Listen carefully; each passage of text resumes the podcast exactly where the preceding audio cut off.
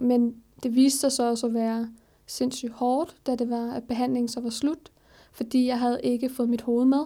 Jeg havde jo slukket mit hoved, og når man så står 20 kilo tungere, og ikke har sit hoved med, så det er der, hvor at recovery for alvor går i gang. Du har tændt for podcasten Håb i Kaos. Podcasten er for dig, der er på vej ud af en spiseforstyrrelse, men ønsker at høre fra andre, hvad de helt konkret har gjort for at komme ud af den. Det tager tid at slippe fri af en spiseforstyrrelses mange regler, og det kan føles kaotisk og helt uoverskueligt at stå midt i. Men i den her podcast får du historierne fra mennesker, der er lykkedes med netop det, for at bringe håb i kaoset. Jamen, øh, så, øh, så ruller vi. I dag skal vi tale om det, som øh, mange af jer, der lytter med, enten har bekendtskab med, eller måske står i lige nu. Og det er øh, den her rode vej ud af en spiseforstyrrelse. Og øh, noget af det, som vi har snakket om i tidligere episoder, er øh, en recovery-proces ikke er linær. Der er bump på vejen, der er to skridt frem, og så et stort skridt tilbage igen. Og, øh, og man er langt fra alene, hvis man føler, at øh, det er en bøvlet vej, det er en håbløs øh, situation, man står i, øh, at det er næsten umuligt at komme helt ud af den spiseforstyrrelse. Det tror jeg er noget, som, øh, som vi alle sammen kan genkende. Fordi recovery er en hård omgang, og øh, der er mange ting, som pludselig ændrer sig. Øh, ens krop ændrer sig. Der er nogle spisemønstre, som skal øh, normaliseres igen. Øh, hverdagen, der vender tilbage. Og det gør måske også omgivelsernes forventninger til ens spiseforstyrrelse. Øhm, eller ens. Det gør omgivelsernes forventninger til en uden en spiseforstyrrelse øhm, også.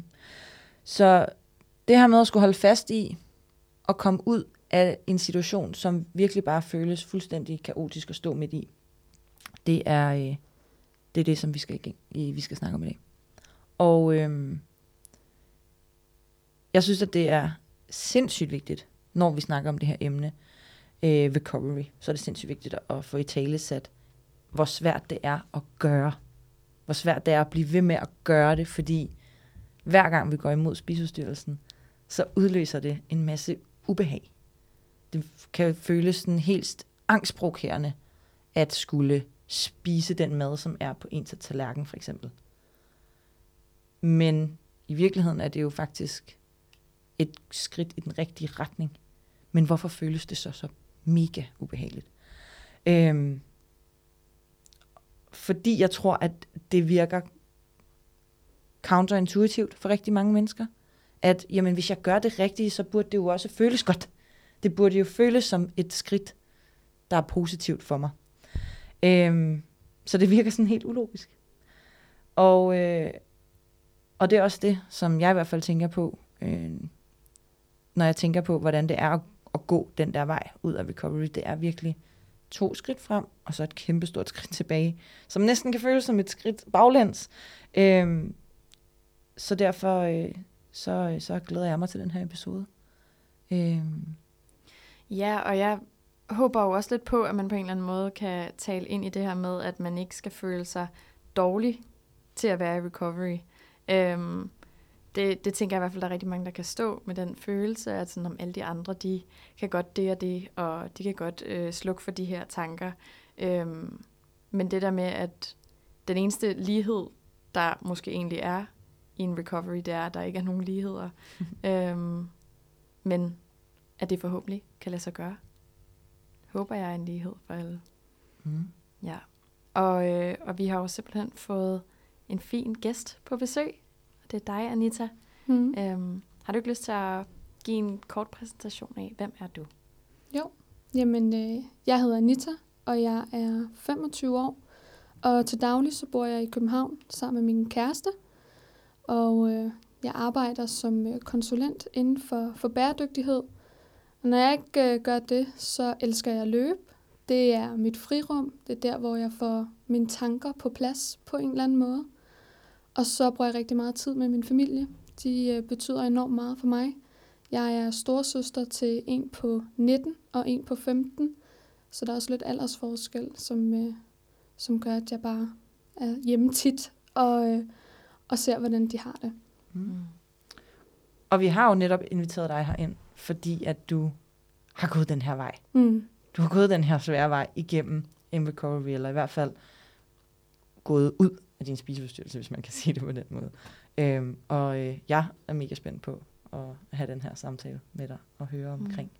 din vej ud af det, fordi alle veje er forskellige. Mm. Øhm, så, øh, så det er jeg rigtig spændt på. Ja. Og hvis du har lyst til at lige sætte nogle ord på, øhm, om hvor du stod henne i dit liv, da du for alvor følte, at din recovery den startede? Jamen, øh, jeg tror, jeg havde en forestilling om, at min recovery startede, da det var, at jeg øh, kom i behandling på hospitalet. Øh, det jeg så senere fandt ud af, da det var, at jeg havde taget 20 kilo på på halvanden måned, det var, at det var der, min recovery rigtig startede. Jeg stod lige pludselig 20 kilo tungere, og havde øh, en krop, jeg ikke kunne genkende, havde tøj, jeg ikke kunne passe, havde strækmærker, og var i en form, som jeg ikke havde været i de sidste to år. Så jeg mistede mig selv. Jeg følte, jeg havde mistet min identitet, som spiseforstyrrelsen havde været øh, de sidste års tid. Det, jeg egentlig sagde til mig selv, som var meget hårdt, var, at øh, nu lukker jeg øjnene, nu lukker jeg hjernen, og så åbner jeg munden. Og så får jeg taget de pukkers kilo på. Fordi jeg havde jo også savnet mad. Og jeg havde jo savnet min pesto mad med laks og min havregrød til morgenmad. Så på en eller anden måde var det en lettelse, at der var nogen over mig. Fordi at der var en, en autoritet, altså hospitalet, som sagde, at jeg skulle tage på. Så var det en lettelse på en eller anden måde. Øhm, men det viste sig så også at være sindssygt hårdt, da det var, at behandlingen så var slut, fordi jeg havde ikke fået mit hoved med. Jeg havde jo slukket mit hoved. Og når man så står 20 kilo tungere, og ikke har sit hoved med, så er det der, hvor at recovery for alvor går i gang. Ja, og når du siger det her med, at du sådan slukker for hovedet, så er det jo også fordi, det bliver sådan en, jeg skal bare gøre det. Men hver gang, at man bare gør noget, så negligerer man alle de grunde, der er til, at man ikke har gjort det tidligere. Mm. Alle de forhindringer, alle de udfordringer, der er. Og det er jo, jeg tænker, det er det, som du så har oplevet efterfølgende, har været sådan, wow, hvad skete der her? Ja. Mm. Så meget af det her med identiteten, der på en måde forsvandt, hører jeg dig sige, og, og måske også det her med at, øh, at være ude af behandling. Øh, er det sådan, du, du oplevede det? Ja, jeg, øh, jeg var hjemmeindlagt, så jeg var altid, øh, jeg var hele tiden hjemme under min behandling, men jeg blev taget ud af gymnasiet, og øh, da jeg kom tilbage til gymnasiet efter halvanden måned, så øh, kunne folk jo godt se, at jeg også havde ændret mig fysisk, men jeg havde også ændret mig rigtig meget psykisk, øh, fordi at jeg lige pludselig skulle finde ud af, hvem, hvem var jeg? Hvem er Anita, når hun ikke længere er den, der, øh, der ikke rigtig spiser, som, øh, som ikke rigtig drak alkohol, og som altid var den, der motionerede. Og øh, det er sindssygt svært som ung menneske at stå og skulle, skulle lige pludselig finde sig selv på den måde. Øhm, ja, finde sig selv på ny. Præcis. Altså en, en ny version af dig, og skal opfinde det. Det, det kan jeg godt forestille mig har været rigtig hårdt. Hmm. Øhm, føler du, at det ændrer sig sådan bræt? Altså gik der måneder, gik der år, før at du ligesom kom ind i din recovery? Mm, jeg følte, det ændrede sig bræt. Altså jeg følte, at efter jeg var kommet ud af behandling, var jeg alene. Jeg havde ligesom haft et uh, sikkerhedsnet i min behandling. Og da jeg så lige pludselig øh, var tilbage i gymnasiet, så var jeg jo mig selv igen. Jeg skulle styre min egen mad. Jeg skulle styre min egen motion. Og jeg anede ikke, hvad jeg skulle gøre. Hm. Altså, jeg følte mig, jeg følte mig helt lost. Ja. Øhm, og det var sindssygt hårdt. Og det, jeg tænkte, okay, det klarer jeg på et halvt år. Jeg er tilbage til, hvem jeg var før spiseforstyrrelsen. Men jeg vidste ikke længere, hvem jeg var. Så det, det var en meget lang proces, som du også siger før. to skridt frem, et stort skridt tilbage. Ja. Og det var jeg ikke mentalt forberedt på. Nej. Så er der et tidspunkt, hvor du ligesom mærker den her øh, point of no return? Altså, nu er jeg nødt til at gå ind i min recovery-proces. Er der et moment, øh, som, som står tydeligt for dig der? Ja, øhm, på det her tidspunkt, så går jeg i 2G, og det er januar, så der er halvanden år til, at jeg skal være færdig med min studentereksamen. Og for mig var det sindssygt vigtigt at have nogle delmål for at motivere mig. Øhm, jeg vil gerne have min studentereksamen. Jeg vil rigtig gerne til USA efter øhm, gymnasiet og prøve at studere der. Så for mig holdt det mig oppe, at jeg sagde til mig selv, at min spiseforstyrrelse skal ikke stoppe mine drømme. Og det var ligesom på den måde, jeg blev ved med at motivere mig selv, og har faktisk løbende de sidste ni år blevet ved med at finde delmål, for at jeg føler, at jeg rykker mig ved at opnå de her ting. Kan du mærke på en eller anden måde i dig selv, det skifte fra øh, at være i spiseforstyrrelsen, og stadig være i den der sådan, åh, det hele er, jeg kan ikke overskue at skulle altså, gå imod den, og så til den der, du siger, jeg vil ikke, altså, jeg vil ikke gå glip af mine drømme. Øh, kan, du, kan du prøve at beskrive, hvilken følelse de to sådan forskellige situationer, hvad var forskellen der? Jeg tror, øhm, det forskellen var for mig, det, det var, at jeg lige pludselig så min spiseforstyrrelse som en objektiv ting. Altså før, da, da jeg havde spiseforstyrrelsen, så tænkte jeg, at det var mig, der var spiseforstyrrelsen. Og øh, da det så var, at jeg var kommet ud af recovery, og jeg skulle til at lære, hvem var Anita uden spiseforstyrrelsen, så prøvede jeg hele tiden at eksternalisere den på en eller anden måde, og sige, spiseforstyrrelsen er ikke mig. Mm. Det er en ekstern ting for mig, og den skal ikke have lov til at stoppe mig som Anita. Mm. Så på den måde, så øh, prøvede jeg lidt at bekæmpe spiseforstyrrelsen, lidt ligesom det var en fjende, som Mm. før havde været min ven, hvis man kan sige det sådan. Mm. Ja.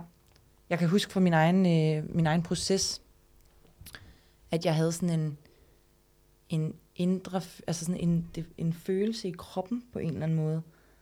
Øh, jeg genkender en følelse i kroppen af at være svækket, Mm. af at være øh, udkørt, Oh ja.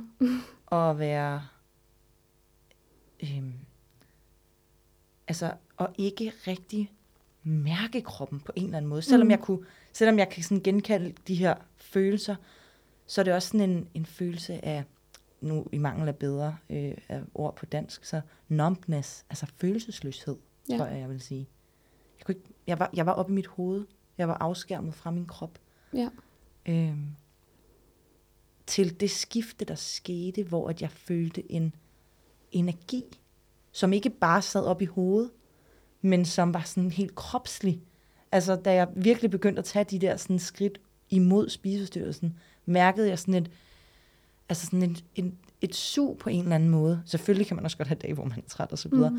Men der var sådan en helt anden sådan energi i min krop, øh, som jeg sådan, altså sådan rent øh, kropsligt kunne mærke. Kan du genkende noget af det?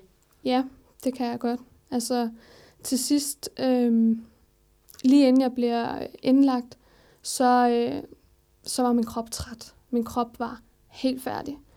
Jeg øh, har aldrig nogensinde været selvmordstroet, men, men jeg havde sådan en træthed i min krop, hvor jeg bare var sådan, kan jeg ikke bare blive ramt af en bil og blive indlagt på hospitalet, så jeg kan få lov til at ligge ned Mm. og bare slappe af Mm. og blive tvunget til det på en eller anden måde. Øhm, så da det var, at jeg kom ud af min behandling, så kunne jeg godt mærke, fordi at jeg havde blevet tvunget til at være øh, hjemmeindlagt og, og ligge og slappe af, og rent faktisk få noget energi igennem øhm, mad, at jeg havde en, en ny lyst på Mm. livet på en eller anden måde. Mm. Øhm, jeg havde lyst til at, at løbe igen, ikke fordi, at jeg skulle tabe mig, eller fordi jeg skulle forbrænde et vis antal kalorier, men fordi jeg havde brug for det for mit hoved, jeg havde Mm. brug for det for min krop. Så, så det skifte, det er også der, hvor jeg lige pludselig skulle finde min identitet igen.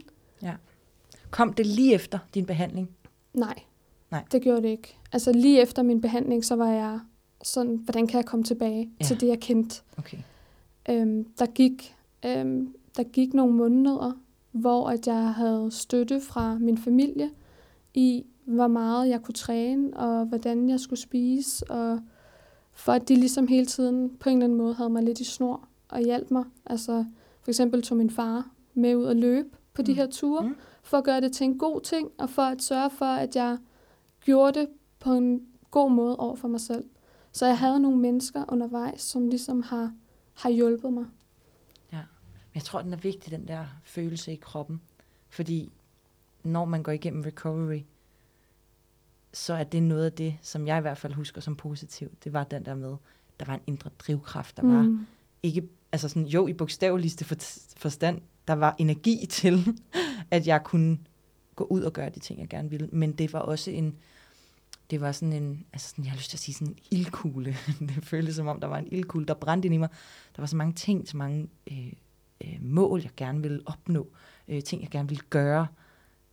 Øh, og den, det var jo det var, det var sådan ligesom med til at få den bold til at trille og blive ved med at trille. Den ildkugle til at, at bruse frem og blive ved med at bruse frem. Mm. Øh, og som jeg tror er rigtig vigtigt at huske på i, i recoveryen. Ja.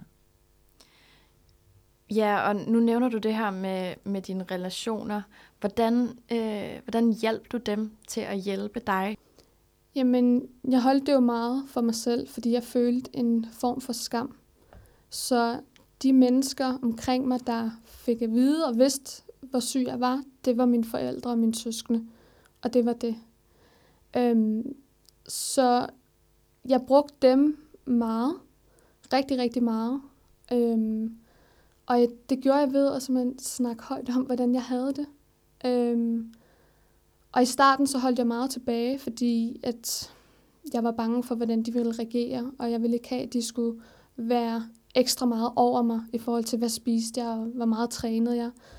Men jeg fandt senere hen ud af, at det er det, der faktisk hjalp, fordi at det er ved at have en dialog med dem, som kendte mig allerbedst, at jeg blev hjulpet på den bedst mulige måde. Så jeg snakkede højt om mine tanker og mine følelser, selv dem jeg skammede mig allermest over.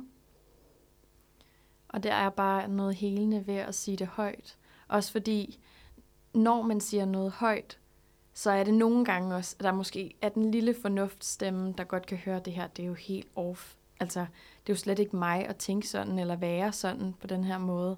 Øhm, men samtidig, ja, som du også beskriver, så er det jo også forbundet med vildt meget skam.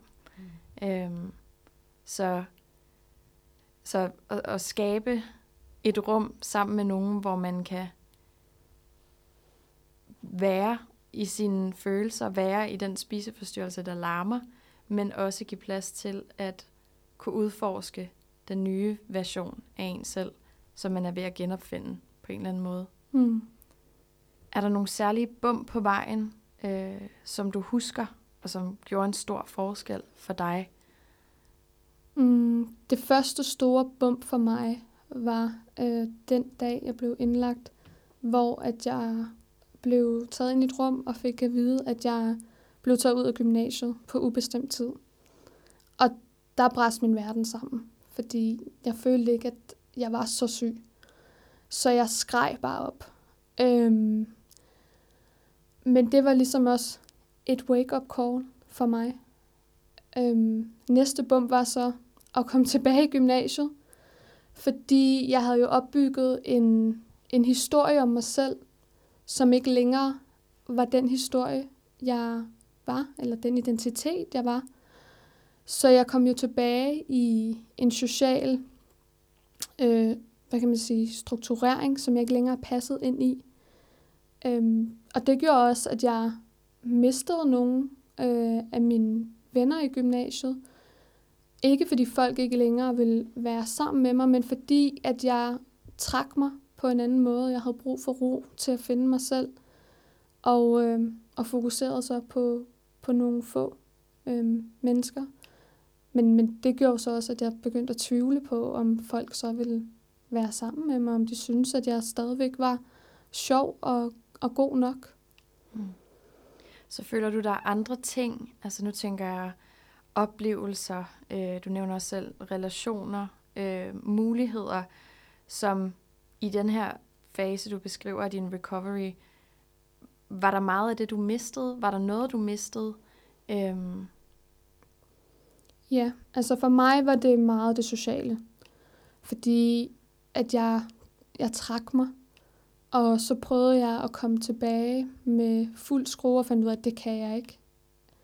Så, så for mig var det meget det sociale, og jeg følte, at jeg blev en anden person socialt, end jeg måske egentlig var. Altså fordi jeg er meget af natur.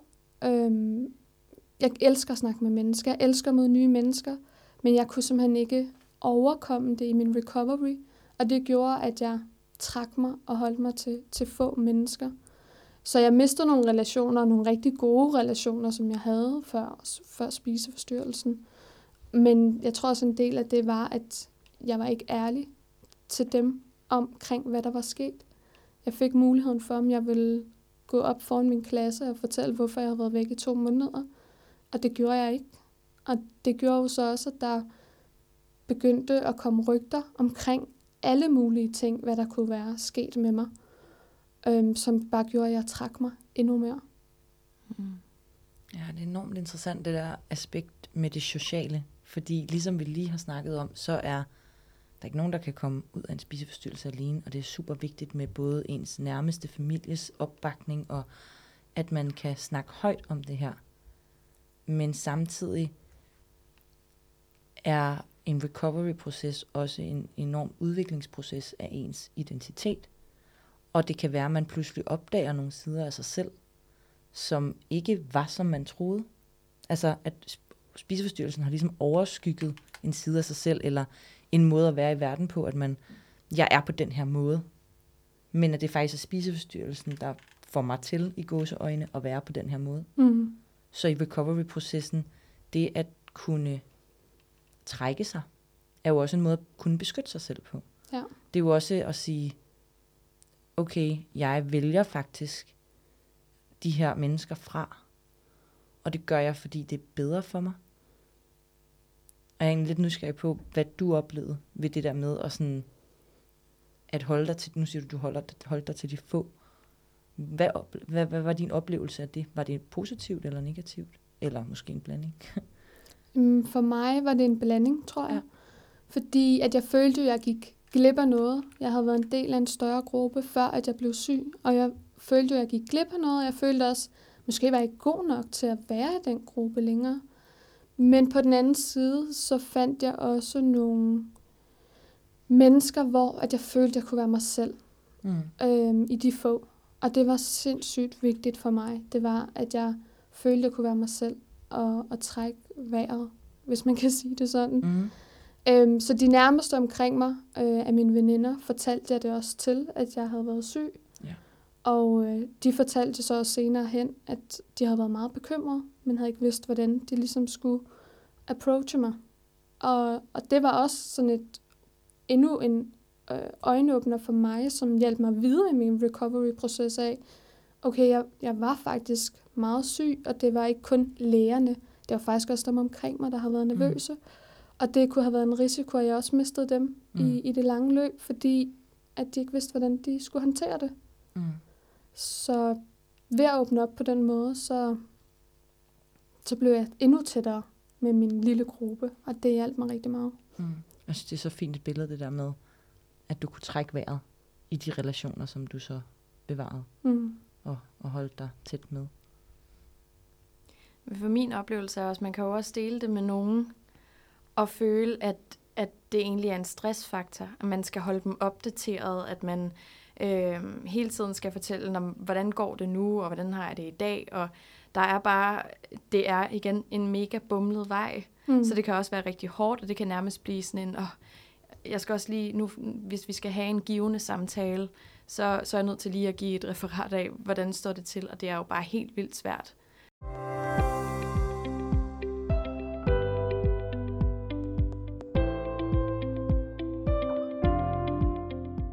Hvordan har du det i dag? Hvor står du henne i dag? Hvem er du i dag? Jamen, jeg vil sige, at jeg er det bedste sted i mit liv, øh, i forhold til min spiseforstyrrelse, som jeg nogensinde har været. Øh, jeg er også meget bevidst om, at den viden, kalder jeg det lidt, altså den viden omkring, hvor mange kalorier er der i nogle ting, og hvor meget forbrænder man ved det ene og det andet, den viden, den kan jeg ikke slet. Men jeg har lært mig selv at leve med den viden og bruge den på en god måde. Så nu, når jeg tænker mad, så tænker jeg mere ernæringsmæssigt. Jeg tænker, okay, jeg skal ud og løbe i morgen. Jeg ved, jeg har brug for kulhydrater, jeg ved, jeg har brug for proteiner. Så tænker jeg mere på den måde, end at jeg tænker på kalorier. Det vil ikke sige, at jeg tænker aldrig på kalorier, for det gør jeg. Det er lidt en default i mit hoved nogle gange at begynde at regne. Men så stopper jeg mine tanker så hurtigt, som jeg nu kan. Um, så der, hvor jeg er i dag, er det bedste sted, jeg nogensinde har været. Og det er nok også takket være min kæreste, som jeg mødte for to og et halvt år siden, som har været det sidste skub, som jeg ikke vidste, jeg havde brug for. Mm. Øhm, for, for før jeg mødte ham, så troede jeg, jeg var rask. Men det kan jeg godt se, at det var jeg ikke. Ja. Øhm, der, der var stadigvæk mad, som jeg som han ikke kunne have derhjemme, fordi så kunne jeg slet ikke være i mig selv. Mm. Så, så det har været det sidste skub for mig til at komme derhen, hvor jeg er i dag. Og hvordan holder du dig selv motiveret til at blive på, på den gode vej?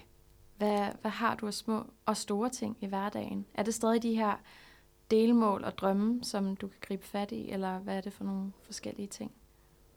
For mig er det ikke længere delmålene. For mig er det mere min livsmål, øhm, som jeg egentlig satte allerede, da min behandling startede. Øhm, og jeg fik at vide, at der var en chance for, at jeg ikke ville kunne få børn. Der sagde jeg til mig selv, at det, det skal jeg, og det vil jeg, fordi det er noget, der er sindssygt vigtigt for mig. Og øh, det motiverer mig til at holde mig sund og rask og glad.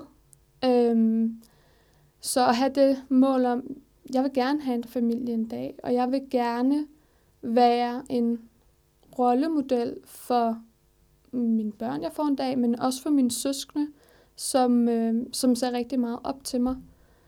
Så det her med at have nogle mennesker i mit liv, der motiverer mig, men også at have nogle drømme omkring, hvor vil jeg gerne hen. Og som jeg også startede med at sige, at jeg vil ikke lade spiseforstyrrelsen stoppe mig.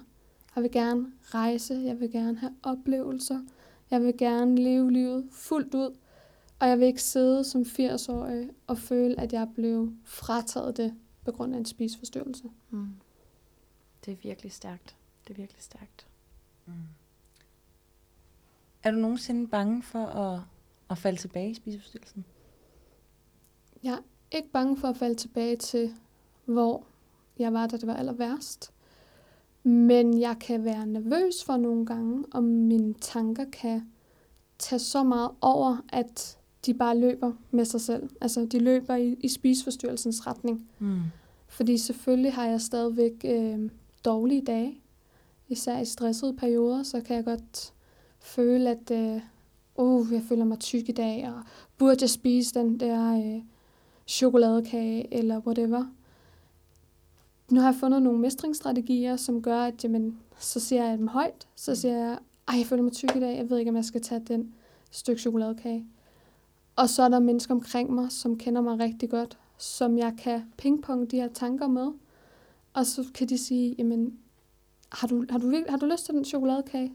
Så er jeg sådan, ja, det har jeg jo.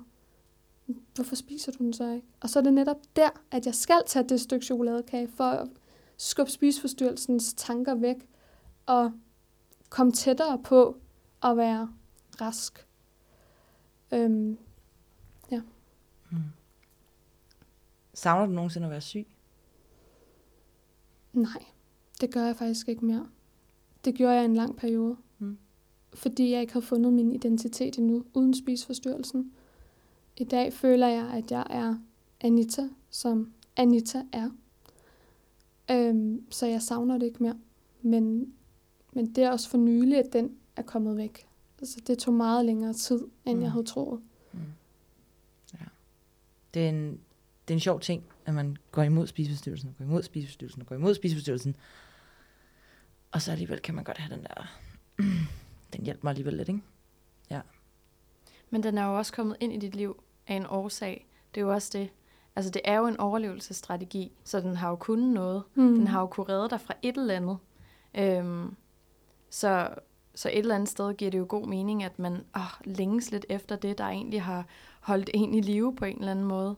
Øhm, men det er jo bare så kortvarigt, at Mm. det virker. Mm.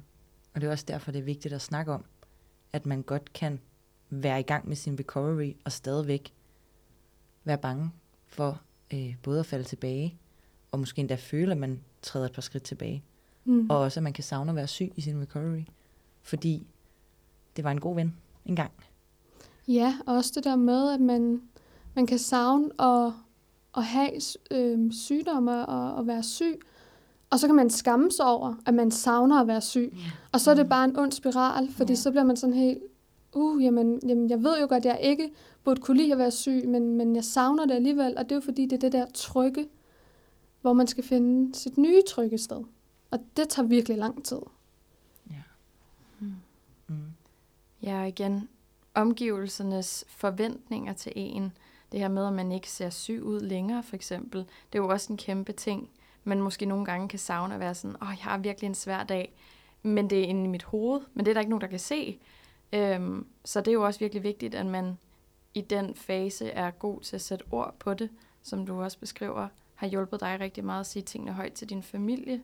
Fordi at det er der, hvor det kan komme til udtryk, i stedet for det kun er kroppen, der ser syg ud, eller kroppen, der er syg, så er det jo stadig ens tanker, der kan drille en. Ja, og have sig selv med i det. Mm. Fordi det er det, jeg synes, der var det sværeste. Det var, at jeg ville jo rigtig gerne vise folk omkring mig, at jeg rigtig gerne ville blive rask. Men, men det skulle også gøres i selvfølgelig et fornuftigt tempo, men, men jeg skulle have mig selv med i det. Fordi dem omkring mig kunne godt være sådan, jamen, du skal spise det der, og nej, du skal ikke ud og løbe. Og, men, men det var også noget, jeg havde brug for, at prøve at gøre det i et lidt mere mit tempo end deres tempo.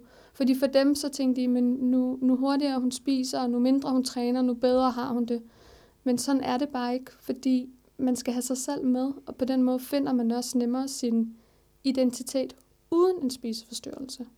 Ja. Og det er også vigtigt at sige højt, og ligesom sætte sine sin grænser, men, men på en fornuftig måde, hvor man er i dialog med dem omkring en, omkring, hvad har jeg brug for fra dig, og hvordan har jeg det lige nu. Det behøver ikke at gå så hurtigt, som du måske gerne vil have det, så længe du ved, at jeg er på rette vej. Mm-hmm. Og de her drømme, som du havde allerede da du var indlagt, og også nogle af de drømme, du beskriver nu her, øhm, er det muligt at indfri dem i dag? Øhm, så det ikke bare er drømme, men rent faktisk er noget, du kan, fordi spiseforstyrrelsen ikke længere er der. Mm.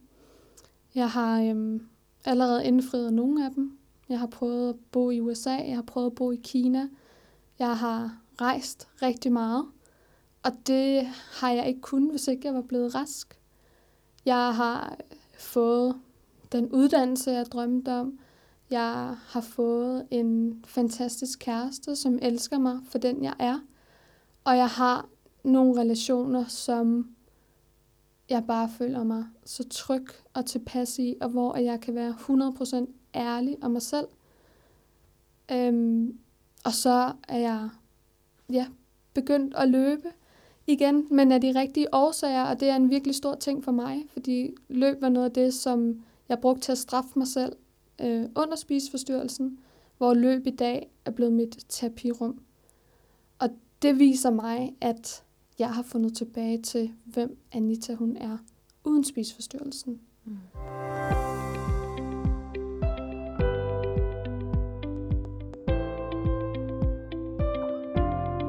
Når du fortæller om det retroperspektivt, øhm, så lyder du enormt powerful. Men jeg tænker ikke, at det var sådan hver dag. Og det Nej. var måske heller ikke sådan at stå i det. Overhovedet ikke. Altså, hver dag var en kamp.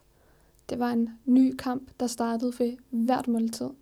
Fordi at jeg tænkte, jeg kan nå at stoppe det. Jeg kan nå at gå tilbage til det gamle trygge. Øhm, men den mulighed følte jeg bare heller ikke, at jeg havde. Fordi at der var folk omkring mig, som var meget standhaftige for mig, og samtidig også meget kærlige omkring det. Jeg kunne jo godt se, hvilken påvirkning negativt det havde på dem, og at det sårede dem, hvis jeg heller ikke prioriterede min recovery. Mm. Så det endte også med at ikke være kun for min skyld. Det blev det efterfølgende, men i starten var det egentlig for min families skyld, at jeg øhm, tog så hurtigt på. Mm. Fordi at jeg kunne jo se, hvilken påvirkning det havde på dem. Mm. At jeg ikke havde det godt. Mm. Og at jeg var svækket.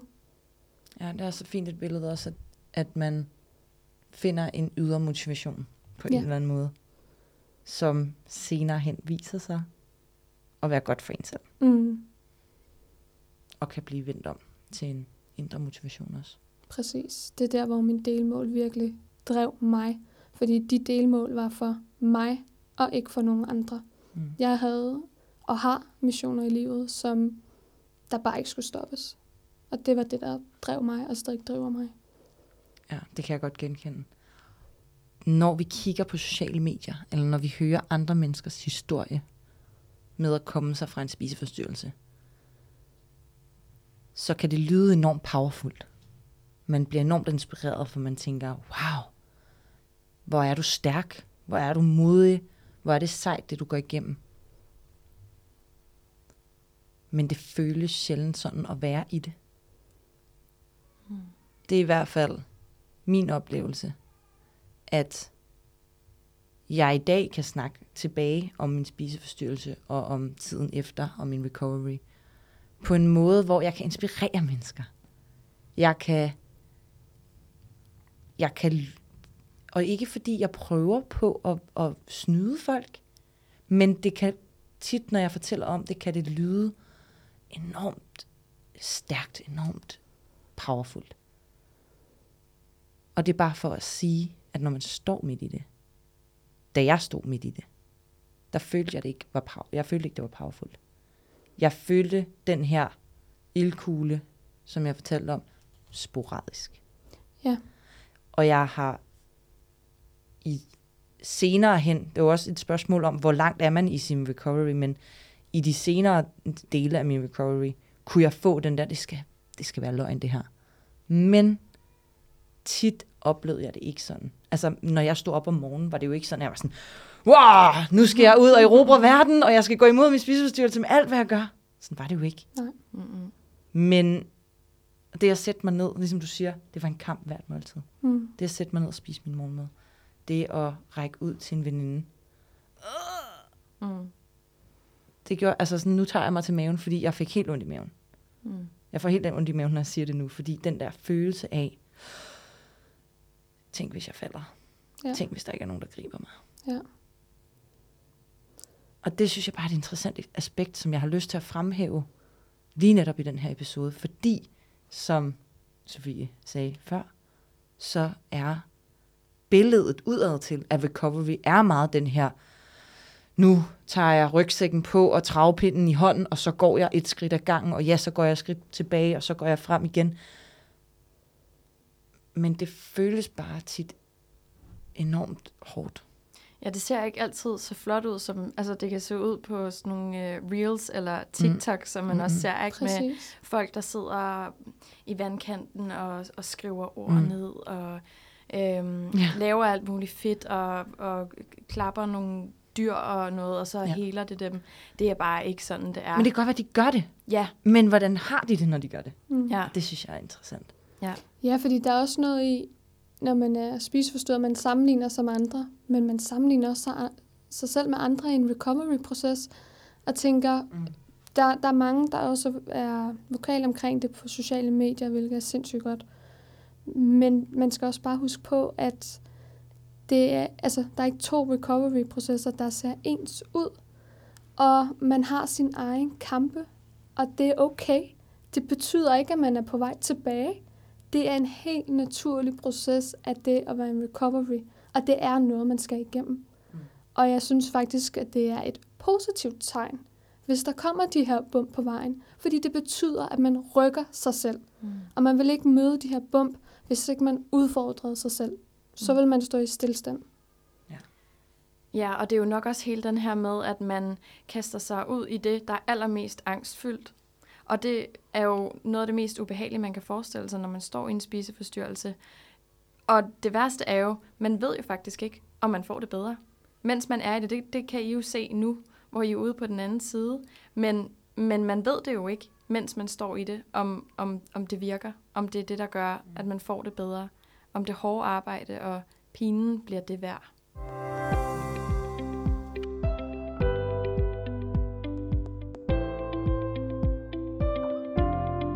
Jeg synes, det er øh, enormt inspirerende at høre dig fortælle din historie, din vej igennem recovery, med recovery.